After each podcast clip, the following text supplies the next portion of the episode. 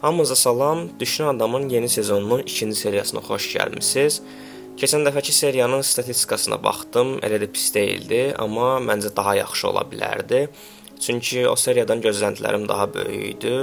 Bu da nəyə görə idi? Çünki uzun müddətdir podkast eləmirdim. Fikirləşirdim ki, insanlar darıxıblar, daha çox maraqlı olar, amma istədiyim gözləntini vermədi, amma buna baxmayaraq davam eləyirəm, çünki podkast sevdiyim bir şeydir və bunu eləməyə davam eləyəcəm.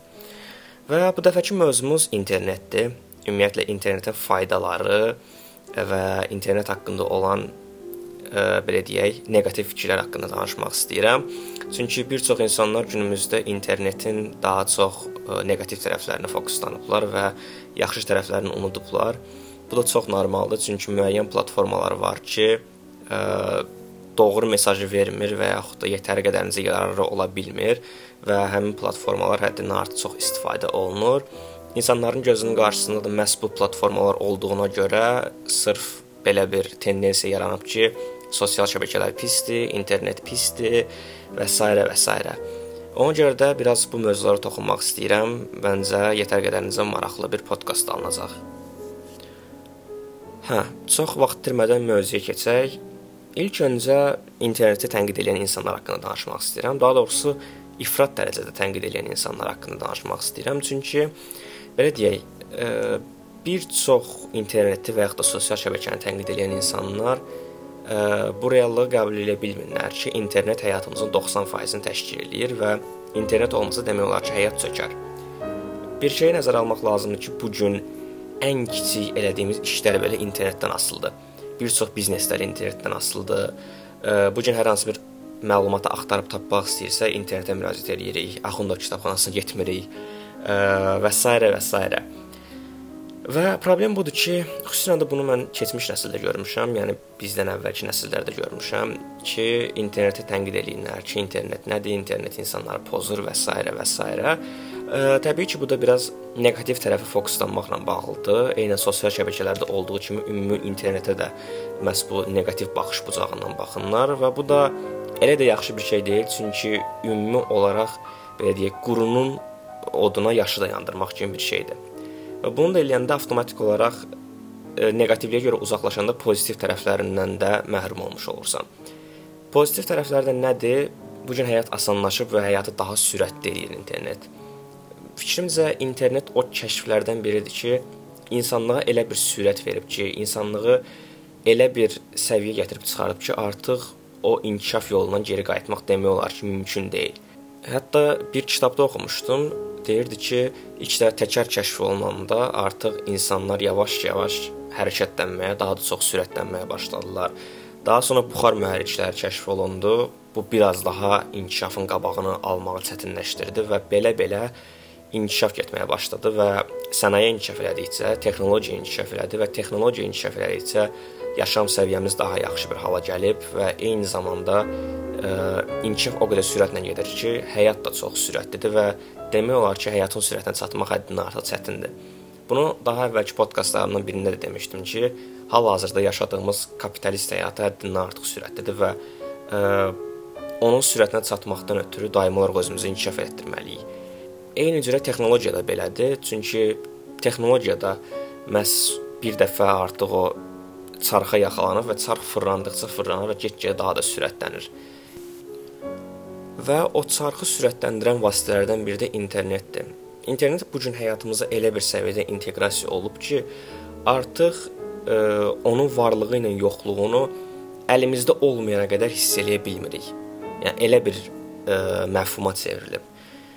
Bunun da səbəbi çox normaldır, çünki daimi olaraq bundan ə, e, hər bir işimizi görürük. İnternetin hesabına ə, e, harasa pul köçürə bilirik, kimləsə danışa bilirik. Şəxsən mən özüm ə, e, ən son dəfə normal olaraq, yəni balansda yüklənilən pulla normal bir şəkildə nə vaxt kiməsə zəng elədiyimi unutmuşam. Yəni bütün zənglərin hamısı demək olar WhatsApp üzərindən aparılır.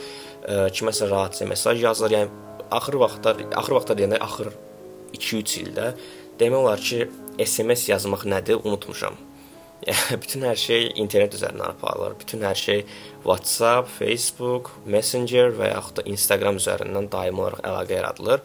Düzü son 1 il ərzində Telegramdan da istifadə eləyirəm. Düzü bu sosial şəbəkələrin içində ən yararlı olaraq gördüklərimdən biri də Telegramdır. İndi məsələmiz sosial şəbəkə deyil, məsələmiz internetdir. Yəni internetin bu gün həyatımıza necə inteqrasiya olunduğunu yəni anlatmağa çalışıram. Deməli bununla bağlı bir hekayə danışım. Səhv eləmirəmsə 2 il bundan əvvəl Mingəçevir su elektrik stansiyasında ə, e, qəza baş vermişdi və qəzaya görə demək olar ki, Azərbaycanın 80%-i işıqsız qalmışdı və qaranlığa qərq olmuşdu. Ə, e, düz həm müddətdə yaşanan xaosdan danışmaq belə istəmirəm, yəni biabırçı vəziyyət idi. Ə, e, nə isə elə bir müddət oldu ki, 2-3 saat demək olar ki, işıq olmadı. Axşam vaxtı, özü yay vaxtı idi və ə, kondisioner işləmir, çöldə hava həddindən artıq istidir. Yəni demək olar ki, sərinlik deyilən heç nə yoxdur. İnsanın ürəyi sıxılır. Mən normalda qaranlıq sevən insanam, amma ə, buna baxmayaraq mən belə sıxılırdım artıq o qaranlıqdan. Və bunun ən pis tərəfi ondan ibarət idi ki, internet də yoxdur. Bütün xəbərlər internetdən alınır və işıq da olmadığına görə televiziyadan da heç bir xəbər almaq olmur. Ə, tək yol ə, belə deyək, ümumi olaraq o şəbəkədən müəyyən bir datanı götürməkdir, müəyyən qədər meqabayt almaqdır və onun hesabına internetə girmək olar. Onun da səhvləməsə məndə balans yox idi, yəni nə isə internet də yoxdur və tamamilə ə, yəni xarici dünyadan əlaqələrin kəsilir. Və ürəyi o qədər sıxılır ki, artıq bilmirsən ki, nə edəsən, yəni ora gedirsən, bura gedirsən, evin bir başından o birisi başına. Yəni internet həyatımıza bu qədər çox inteqrasiya olunub. Yəni internet olmasa, demək olar ki, hər şeydən xəbərsiz qalırıq, ə, hər şeydən məlumatsız oluruq, ürəyimiz sıxılır. Ə, demək olar ki, bir çox funksiyalarımızı itiririk. İnternet bu gün əlimiz, qolumuz, qulağımız, gözümüz olub artıq. Yəni bunu qəbul etməliyik. Nə qədər inkar eləsək də, mən internetdən və yaxud da telefondan və ya sosial şəbəkədən asılı deyiləm. Məncə o qədər çox yalan danışmış ola bilərik. Çünki o dövr deyil ki, artıq ə, e, Telegramla və yaxud da məktubla kiməsə mesaj yollayasınız, xəbər alasınız, xəbər ə, e, xəbər göndərəsiniz. Bu şeylər var deyə, yəni bunları nəzərə alanda görmək olur ki, sosial şəbəkələrin nə qədər pis desək belə, bu qədər çox yaxşı tərəfləri var. Yəni bu hekayəni danışdım ki, sırf ə, e, başa salım nəyə görə internet bu qədər çox həyatımıza inteqrasiya olunub və hansı səviyyədə inteqrasiya olunub. İnternetin yaxşı tərəflərindən danışmağa qalanda həsən hansısa bir çox yaxşı tərəf var. Dediyim kimi, tez bir zamanda məlumat almaq olur, tez bir zamanda istədiyimiz insanla əlaqə qura bilirik, mesaj yaza bilirik və yaxud da onlayn zəng eləyə bilərik ki, heç bir pul da xərcləməyə ehtiyac yoxdur. Bundan əlavə dediyim kimi bizneslər üçün çox əhəmilidir. Həm özlərini tanıtmaq üçün, həm də satış eləyən mağazalar və yaxud da kiçik bizneslər var ki, onlar üçün yetəri qədərincə önəmlidir və ə, e, bu onlayn satışın hesabına nə qədər böyük bir şəkildə yəni qazanclarını artırırlar. Fikrimcə bu pandemiya dövründə internetin nə qədər önəmli olduğu məncə ən çox bizneslər başa düşdü. Yəni xüsusilə kiçik bizneslər, kimlər ki onlayn xidmət göstərirdilər, deyək ki, hər hansı bir restoran olsun və yaxud da hər hansı bir mağaza olsun, Əgər onlayn formada xidmət göstərirdisə, demək olar ki, itkisi daha az oldu və çətinlikləri daha az idi. Amma hansılar ki, onlayn bir varlığı yoxdur, həmin biznesi daha çox batmağa doğru sürükləndilər və bir çoxu da tab gətirə bilmədi pandemiya dövrünə. Yəni internet indidir və internet gələcəkdir. Yəni internetin hesabına bir çox şey eləmək olar. Adətən internetin pis tərəflərinin müzakirəsi öz ölkəmizdə, bir də şərq ölkələrində daha çox yayğındır. Bu da təbii ki, həmin ölkələrdə olan moral prinsiplər və mentalitetdən asılıdır. Amma xaricdə bu daha azdır və bunun da səbəbi ondan ibarətdir ki, bu insanlar internet həyatlarına daha çox inteqrasiya ediblər. Məsələn, süni intellektlərdən daha çox istifadə edirlər. Məsələn, adicə bu insanlar evlərini süni intellekt vasitəsilə idarə edirlər.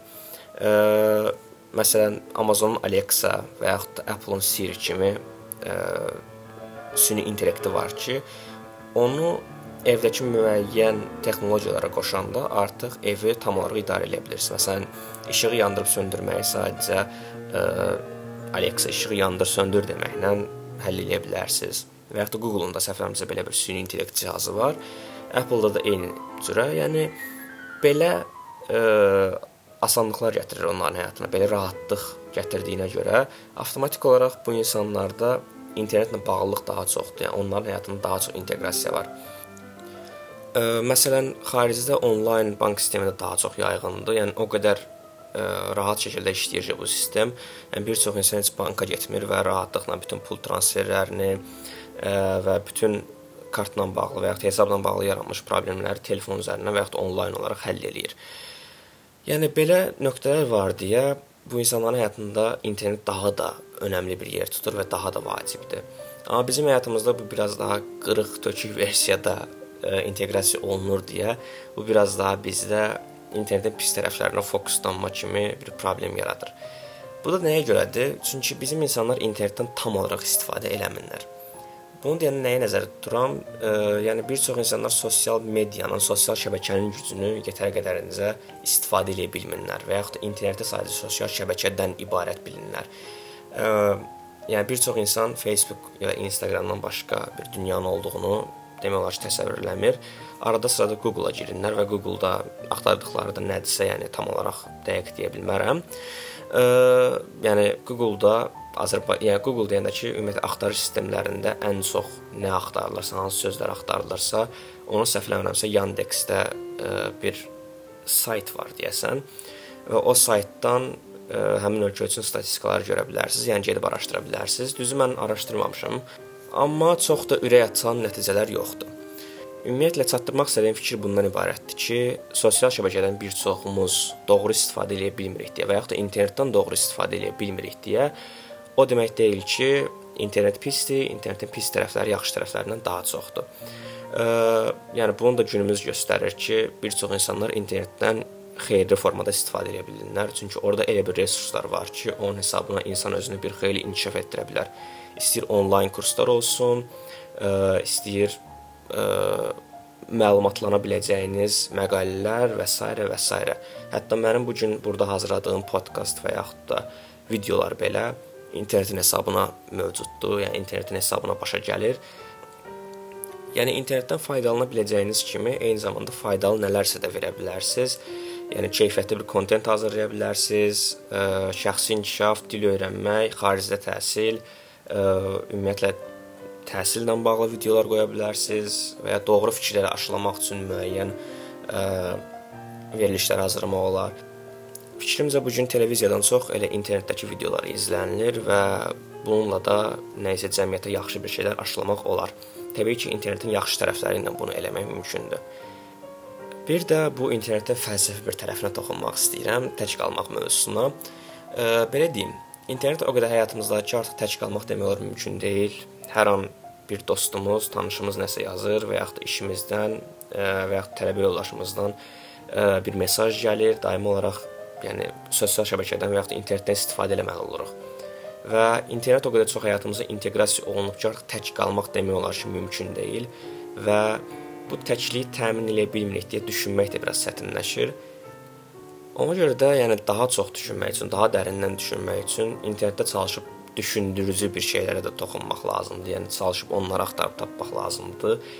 Və yaxud da insan zaten təkliyi ona görə istəyir ki, özünə, yəni yoldaş tapa bilmir, ə, yəni fikirlərini bölüşəcək insanlar tapa bilmədiyinə görə sırf təkliyə çəkilmək istəyir və yaxud da hüzur tapmaq istəyir. Yəni internetlə də hüzur tapmaq olar. Məncə bildirişləri bağlayıb YouTube-da hər hansı bir ə, həzin musiqi və ya da sakit bir musiqi altında düşüncələrə dalmaq olar. Yəni internetin də ə, təkliyə yararı ola bilər əslində. Yəni tamamilə internetin üstünə xətt çəkmək lazım deyil ki, internet var deyə mən tək qala bilmirəm. Yox, bu da mümkündür. Bizi tək qoymayan adətən sosial şəbəkələrdir. Yəni sadəcə bildiriş düyməsini bağlamaqla təklikdə də yaşamaq olar, dərin düşünmək də olar. Ümumi olaraq internet haqqında fikirlərim bu qədər. E, yəni çalışdım ki, internetin yaxşı tərəflərindən danışım, pis tərəflərini qoydum bir qırağa. Onsuz da pis tərəflərinin nə olduğunu bilirik hamı danışıb və artıq belə deyək, yəni dildə danışılmaqdan artıq çürüyüb o mövzu. Ona görə istəyirəm ki, yaxşı tərəflərindən danışım və yaxşı bir şeylər aşılayım. Daha çox pozitiv e, bir əhval-ruhiyyə yaransın ortada və ümid edirəm ki, onu eləyə bildim. Bu günlük bu qədər. Podkastın sonuna gəldik. Podkastı bəyənməyi, şərh yazmağı, e, dostlarınızla və yaxud da sosial şəbəkə profillərinizdə paylaşmaqla mənə dəstək olmağı unutmayın. Gələcək seriyada görüşənə qədər sağ olun.